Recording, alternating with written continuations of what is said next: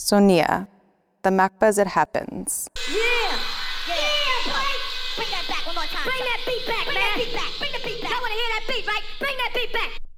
Mark Fisher is a writer, teacher, and theorist living in Suffolk, England. His blog, K Punk, has been a widely respected online cultural analysis tool since its launch in 2003. In 2009, he published his first book, Capitalist Realism, where he explores the widespread feeling that capitalism is not just the only viable political and economic system, it has now also become impossible to even imagine any real alternative. Fisher analyses the role of the media, the educational system, the links between neoliberalism and brain chemistry, and what he calls business ontology, in a world in which internment camps coexist with franchise coffee shops. Sonia talks to Mark Fisher about crisis, insurrection, and really existing capitalism. It's a time of opportunity as well as of crisis, or rather, it's a time of opportunity because it's a crisis. Capital has never been weaker in my lifetime, I don't think. In retrospect, I think we can say that the success of neoliberalism was multiply overdetermined. There's very little we could do in that period between 1980 and the, and the bank crisis of 2008. Everything was set up for neoliberal triumph, which they had prepared for. I don't think anyone knows what's going to happen now on any front, practically. Everything is up for grabs. And what we're seeing is two things at once, I think. One is the desperate intensification, final intensification of, of the neoliberal program, as you know, people try and keep alive that system. But we can all see that that cannot succeed. The one thing we, we can be sure of is that there's no way back to the pre 2008 world. That world is gone and will not return. But just as it goes into you know that, that, that final phase of making things even worse for the poor and for cultural producers. Just as that is going on, something else is plainly happening as well that we can see around the world. You know, widespread rejection of mainstream politics as it, as it's constituted, of neoliberal capitalism. What is clear is that, you know, when neoliberalism was in its high pomp, it naturalized itself. It didn't even appear. It was just a taken for granted set of assumptions. It can't do that anymore. It's forced to literally fight, and that means it is weaker you know, I think we should be should be ambitious at this point, and and really not concede any any any territory. It seems, in many respects, that parliamentary politics is decadent, finished, completely in the pocket of business. But it, it may not look like that in a few years' time, and there's not been an opportunity to change things in that area of culture for a long time. You know, I think we need, as I put it before, strategic optimism. You know, we need to believe that we can win and think that we can win. The notion of capitalist realism. Despite doing these many interviews about uh, and talking about capitalist realism often in public, it remains elusive to define, but it, nevertheless, I think it is fairly easy for us to identify it. It's difficult to define it because it is more like a diffuse ideological atmosphere that, by its very nature, suffuses everything. I mean, one way to get to it would be that it's a belief, that it's a belief that capitalism is the only viable political system. In other words, nothing else is realistic, nothing else could work. Other systems can exist, but they, they just don't work. Partly because they have unrealistic expectations about what, can, what human beings can achieve. So there's a built in kind of suppressed, um, there's a built in implicit kind of pessimism, I think, in this notion of capitalist realism. That it's really the best that we can hope for. It might not be that good, but it's better than anything else. Another way of getting to it is that it's an attitude. It's an attitude of resignation and acceptance in the face of that. Since capitalism's the only game in town, since capitalism has the strongest forces, really all we can do is adapt to it. We'll never be able to overcome it. So the best thing is, if we want to achieve anything, we must um, format it in terms that capital finds amenable. But what we're dealing with here is the kind of whole psychic infrastructure that is transpersonal and which, you know, expresses itself through individual psychology, but is not not reducible to that. And how did this arise? Well, a combination of things. Quite clearly, the fall of the, the Soviet bloc in 1989 was a major moment, but that in a way confirmed trends that were already occurring. Is really the, the, the synergy of post-Fordism, the capitalist restructuring into post-Fordism with its attendant mechanisms such as um, you know flexibilization, casualization of work, computerization, just-in-time production, um, globalization, that sort of capitalist restructuring of sort of, of the economy and work alongside their neoliberal narrative and the two coming together with you know the key figures like uh, Reagan and, and Thatcher, and you know this having the effect of decomposing working class solidarity. As we saw in, in the UK, just as the miners' um, union was kind of brutally defeated in a um, struggle that was as important for its symbolic import as for its kind of immediate uh, logistical effects just as that was going on, also workers were increasingly invited to see themselves as consumers and capitalists. The genius move of, of Margaret Thatcher in the UK to sell off social housing, which immediately positioned the left, which was opposed to it, as being sort of hidebound Stalinist centralizers who wanted to control people's lives and didn't want to give them choice and didn't want to give them autonomy and freedom you know, I think in many ways the left, certainly in the UK, has never recovered from being out, outwitted in that way. You know, part of the, the issue of capitalist realism is the control of historical narratives. Capitalist realism, the narrative is all history and tends ultimately towards towards capitalism, and modernization means further adaptation towards capitalism. And a, uh, there's only one direction of history, and it belongs to capital. And you know, we, we really lost the sense that we lost the sense that the left could be modern. So the left became associated really with negative projects of resistance, retrenchment, defense of things which were seen to be being eroded. And whilst that, you know, those campaigns were worthwhile, the danger was that that they bought into the very narrative of a kind of overwhelming historical tide which one could only try and defend oneself against. We couldn't expect to constitute a counter tide in a way. So I think they're the sort of key key contours of capitalist realism. And you know how this expresses itself is what I call psychic privatization. Neoliberalism and mental illness.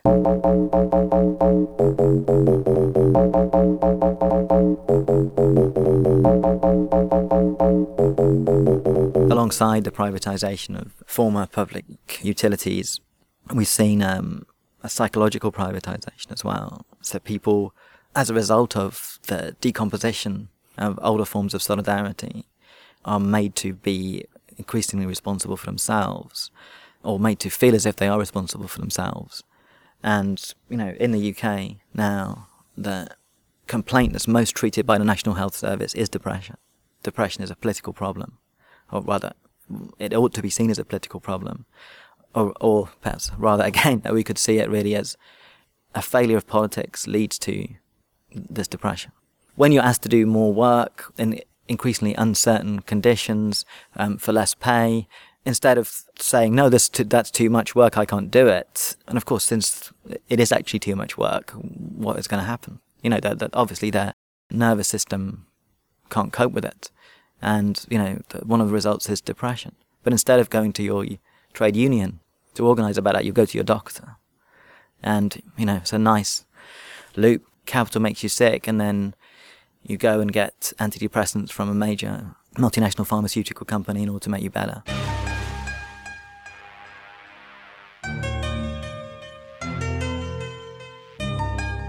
Really existing capitalism.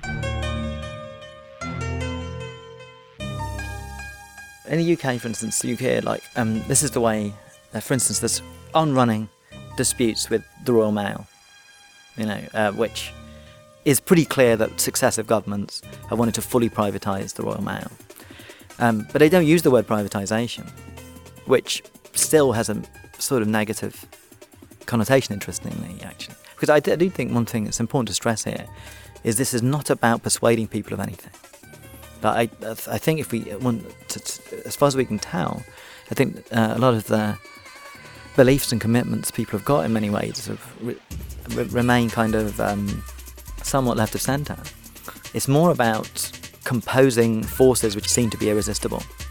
So even if people themselves think privatisation is not a good thing, they still go along with it because they think ev- everyone else, um, everyone else believes that it is. With the Royal Mail, they don't use the word privatisation in the media. The media collude then with the, the bosses in calling it modernisation. Who can win that? You know, the postal workers are opposed to modernisation. This is the way the story goes. They're not opposed to modernisation, they're just opposed to privatisation. Just this use of the word modernisation, I think, to mean neoliberalisation is, is really sort of um, widespread in, in, in, the UK, particularly when it comes to sort of labour disputes, really. The word unionist is, has been successfully turned into an insult. You know, uh, with uh, the, the new Labour leader who was hopeless, but nevertheless, um, the, the media propaganda was, you know, he's the union's man. He's been g- given his position because of you know the union influence. Um, it's quite astonishing that this this um, negative view of unions persists in a world where you know. The one thing that we can say is that it's, it's pretty clear that the uh, the mess that the, the UK was in was not caused by trade unions. Um, yet, you know, it's yet the, the demonisation of unions still persists, and you know, partly persists because of this successful um, sort of meme that unions are sort of anti-modernisers, stuck in the past. In a way, capitalist realism is, is just a word for Blairism, because you know one can assume that you know the neoliberal right, of course, are capitalist realists. They, you know that's not that's just what they do. Uh, it's really the it's the acquiescence of the left to the view that business must be propitiated. That's that's the, the real moment of capitalist realism, which we I think like um, you know, New Labour was the world brand leader in that acquiescence, really. Education. I don't think I really knew what New Labour was until I was working in in you know further education, where you could see what what a, the New Labour culture meant, which was this introduction of bureaucratic surveillance mechanisms and brought in from business, hypermanagerialism, quality management, so management would bring in this latest swathe of um, bureaucratic requirements, um, 40-page logbook we were now required to fill in. But here's where the sort of echoes of Stalinism became really clear, because it's the, the cynicism of the management when they would bring these things in. You know, they would say, okay, you've got to fill in this 40, 50 page logbook now. But, you know, you don't, I don't really think it's that good an idea, but this is, this is what we have to do you know that that's what that's I think that's why I first started to grasp what capitalist realism was. These managers themselves were not not neoliberals at all, and definitely didn't see themselves as neoliberals, but who were completely without such people, the neoliberal project couldn't have continued. There's that curious mixture of the emphasis on kind of market and bureaucracy. You know, the story we're told is that bureaucracy's old, this is part of the old Stalinist world, we've got rid of that now. But of course, the reality of working education and under Blairism was that as a teacher, you were required to do far more bureaucracy than ever was the case in these, you know, in the old days of centralizing social democracy, so called. And this, this is utterly perverse. And the thing is, what is this all about? What is this really for? Of course, ostensibly, the purpose is to increase, improve our performance as teachers. But actually, the very fact you're doing it, the very fact you're devoting energy to this relentless surveillance apparatus means that you're not doing what you ought to be doing, or what one would think you ought to be doing. But of course, the, the real purpose of it has nothing to do with improving performance or efficiency of teachers. It's to do with producing a, a certain kind of anxiety. And beyond that, the, the whole attempt of business to colonize all areas of culture is really an attempt to close off any use of time that is contrary to the imperatives of, of, of business, really. It's partly because in that time, alternatives can appear. Social imagination can happen. It's pretty clear that the um, the role of neoliberalism, that uh, what it aims to do, is to keep workers in a, a state of constant stress and agitation. Then you know they can't organise, they can't they can't show solidarity. You know, education was you know it was um, was an ambivalent space. In one way, it was there for you know, the, simply the reprodu- reproduction of capital, reproduction of labour, etc., training. But quite clearly, something else could also happen in education. The spaces of thought, imagination, etc., which went beyond the demands of, uh, of business. And I think that what we're seeing now, then, as I was saying, is the intensification of the destruction of that other that other time. All they want is no trace of that other time left at all. What happens when you do that? What happens when you have got a population in a state of constantly agitated stress? When you are sitting producing, you know, 50, 60 page logbooks, which no one is interested in reading, which don't improve anyone's performance in any way. And when this is replicated across the whole of a culture, when you have people, in other words, engaged in this massive simulation of activity, the end of which is basically production of PR, public relations. You know, again, another echo of, of, of Stalinism. It's not what things do and their function or their, their, their use for enjoyment that matters. It's their appearance. It's their appearance that, that matters. That then leads to this, this crisis of, of culture, I think, where there isn't this time or space or energy that culture needs. So what we've what we've got is this inertial, inertial, repetitive, homogenous, standardized, very slowed down culture. To me, it's become increasingly clear why that's the case. You know, if you haven't got people at art school who, instead of doing their proper course, are experimenting with music or whatever, if you haven't got people who can afford to live on unemployment benefit for a while, so that they can, you know, experiment with cultural production. If all of these areas are gradually closed off, then culture culture dies. In the UK, we can we, we can see that. You know, it's very evident in, in popular culture and popular music in particular. Popular music was in, indirectly funded by public bodies, really. And when that funding is removed, the music is rubbish, and the whole of culture comes pastiche. That's that's the situation that we're in now, and and they want to make it worse. But you know, but this leads then to this this quite different situation, I think, which uh, up till 2008, which was you know capital's a victim of its own success in the sense that what does it feed off? If it successfully colonized everything, where is the uh, exteriority which it can incorporate and convert? I think it's got that problem in a different way now. But it's very clear before 2008 that a world completely dominated by capital was also a problem for capital. There's a very idealized version of capitalism where it is dynamic, where uh, private providers are always better than um, public services. Capitalism is always efficient, etc., etc. Which we, not only the capitalists, as it were, which we accept that at, kind of at some level. I think we think, yeah, that's the capitalist, but it's completely at odds with our actual experience of the capitalist world. What sums up really existing capitalism better than the call center? People are universally dissatisfied with. Yet strangely, this universal dissatisfaction doesn't translate into an idea that actually uh, capitalism isn't that efficient, really. Under the influence of Nick Land. It's quite interesting that it took, you know, really over a decade for his work to emerge.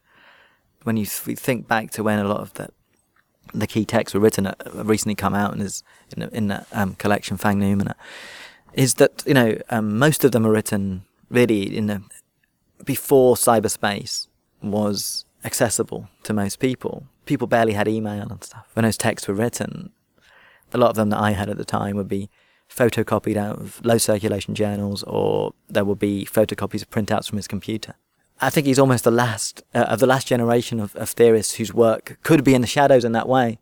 You know, almost now, uh, if anyone emerged, no matter how obscure it is, you could still find it on the internet. Well, I think the, the, the, the crucial thing is that it was it was on the terrain of modern culture. What's interesting about Nick Land's writing was its its flatness with um, a lot of the most exciting culture of the 90s. So that, um, particularly music culture. And it wasn't really an influence so much as a confluence. When you read that Nick Land's texts, it was as if, you know, you were, you were hearing what you could feel from jungle or techno music transcoded into a kind of a theoretical form.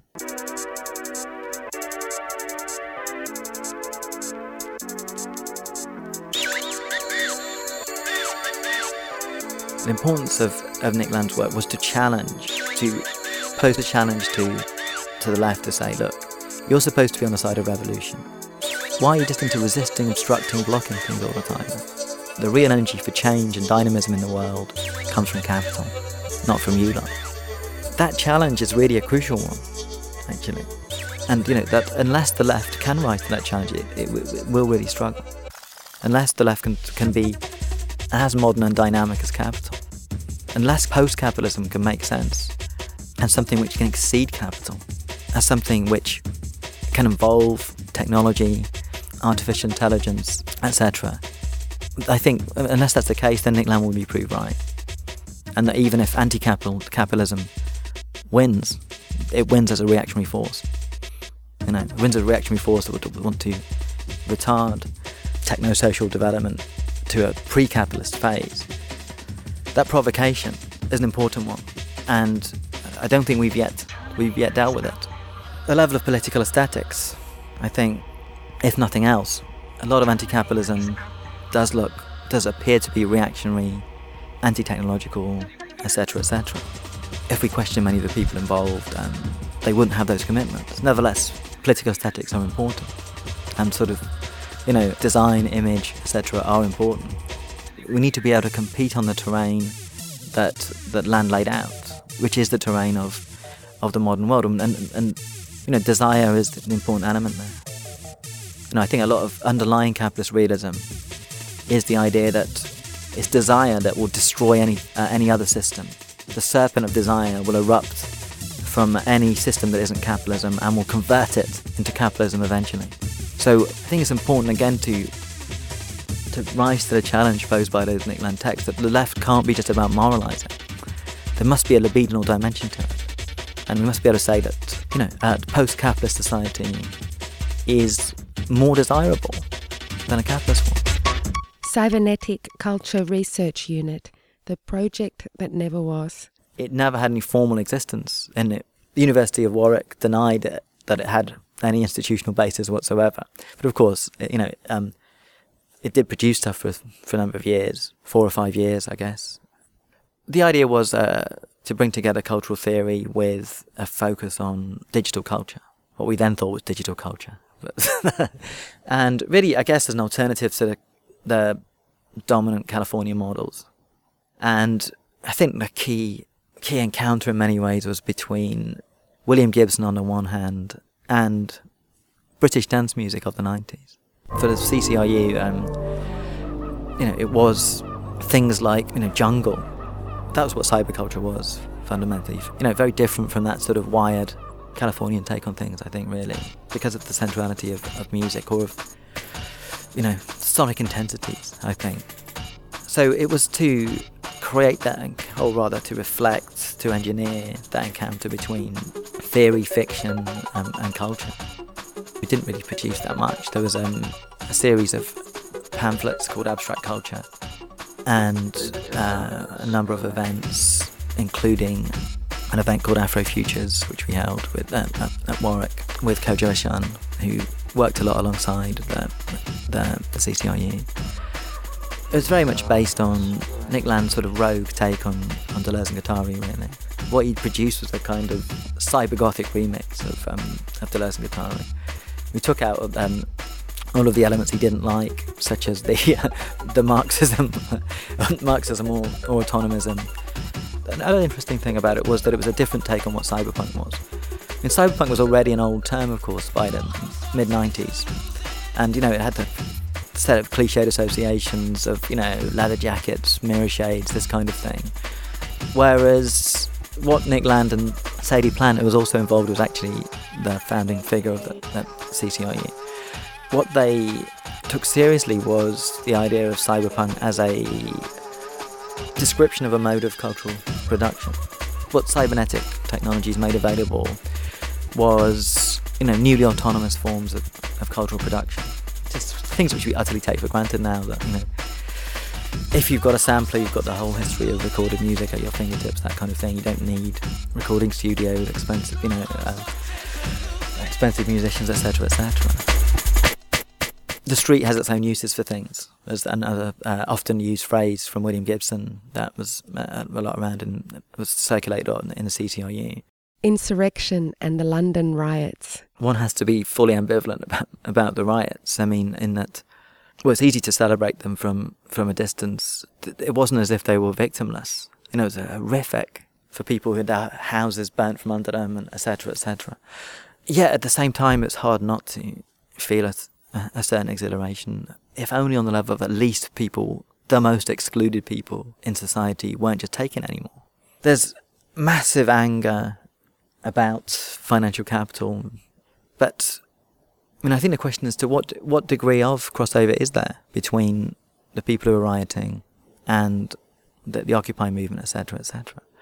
I mean, it's clear that the uh, that the, the riots had a, a revolutionary violence that the Occupy movement doesn't have, and it's partly because they brought actual fear, an actual actual threat to the social fabric. They have that revolutionary violence, but they don't have a revolutionary project. There doesn't seem to be a, a political project there, which isn't to say that one couldn't emerge. It's somehow a question of um, of working with that discontent, making the connections between the people who um, feel so excluded that they're willing to risk everything, Ma- making a connection between those people and the widespread discontent amongst other areas of society. And I think this, what we saw with um, the, the student militancy at the end of 2010, particularly with the so-called EMA kids, who were well, the age group that I used to teach actually, 16 to 18, and many of them non-white, they getting involved with uh, them, the student protests meant that this was cl- quite clearly not the familiar demographic of kind of um, of student militancy. I mean, it's one of the, the ways that the media tried to manage it is trying to say, oh, look, it's these privileged rich kids moaning about the, the fact that their privileges have been taken away from them. But I think what, what we can see is a, a situation in which practically everybody is precarious now. Practically everybody is precarious. So that there is at some level a commonality between cultural workers in the underclass. And I think the task is to synthesize the discontent from those groups, really unite the precarious, because, you know, most of us are precarious. And we don't want to be precarious. Uh, not in that way, not in the way that we're forced to be.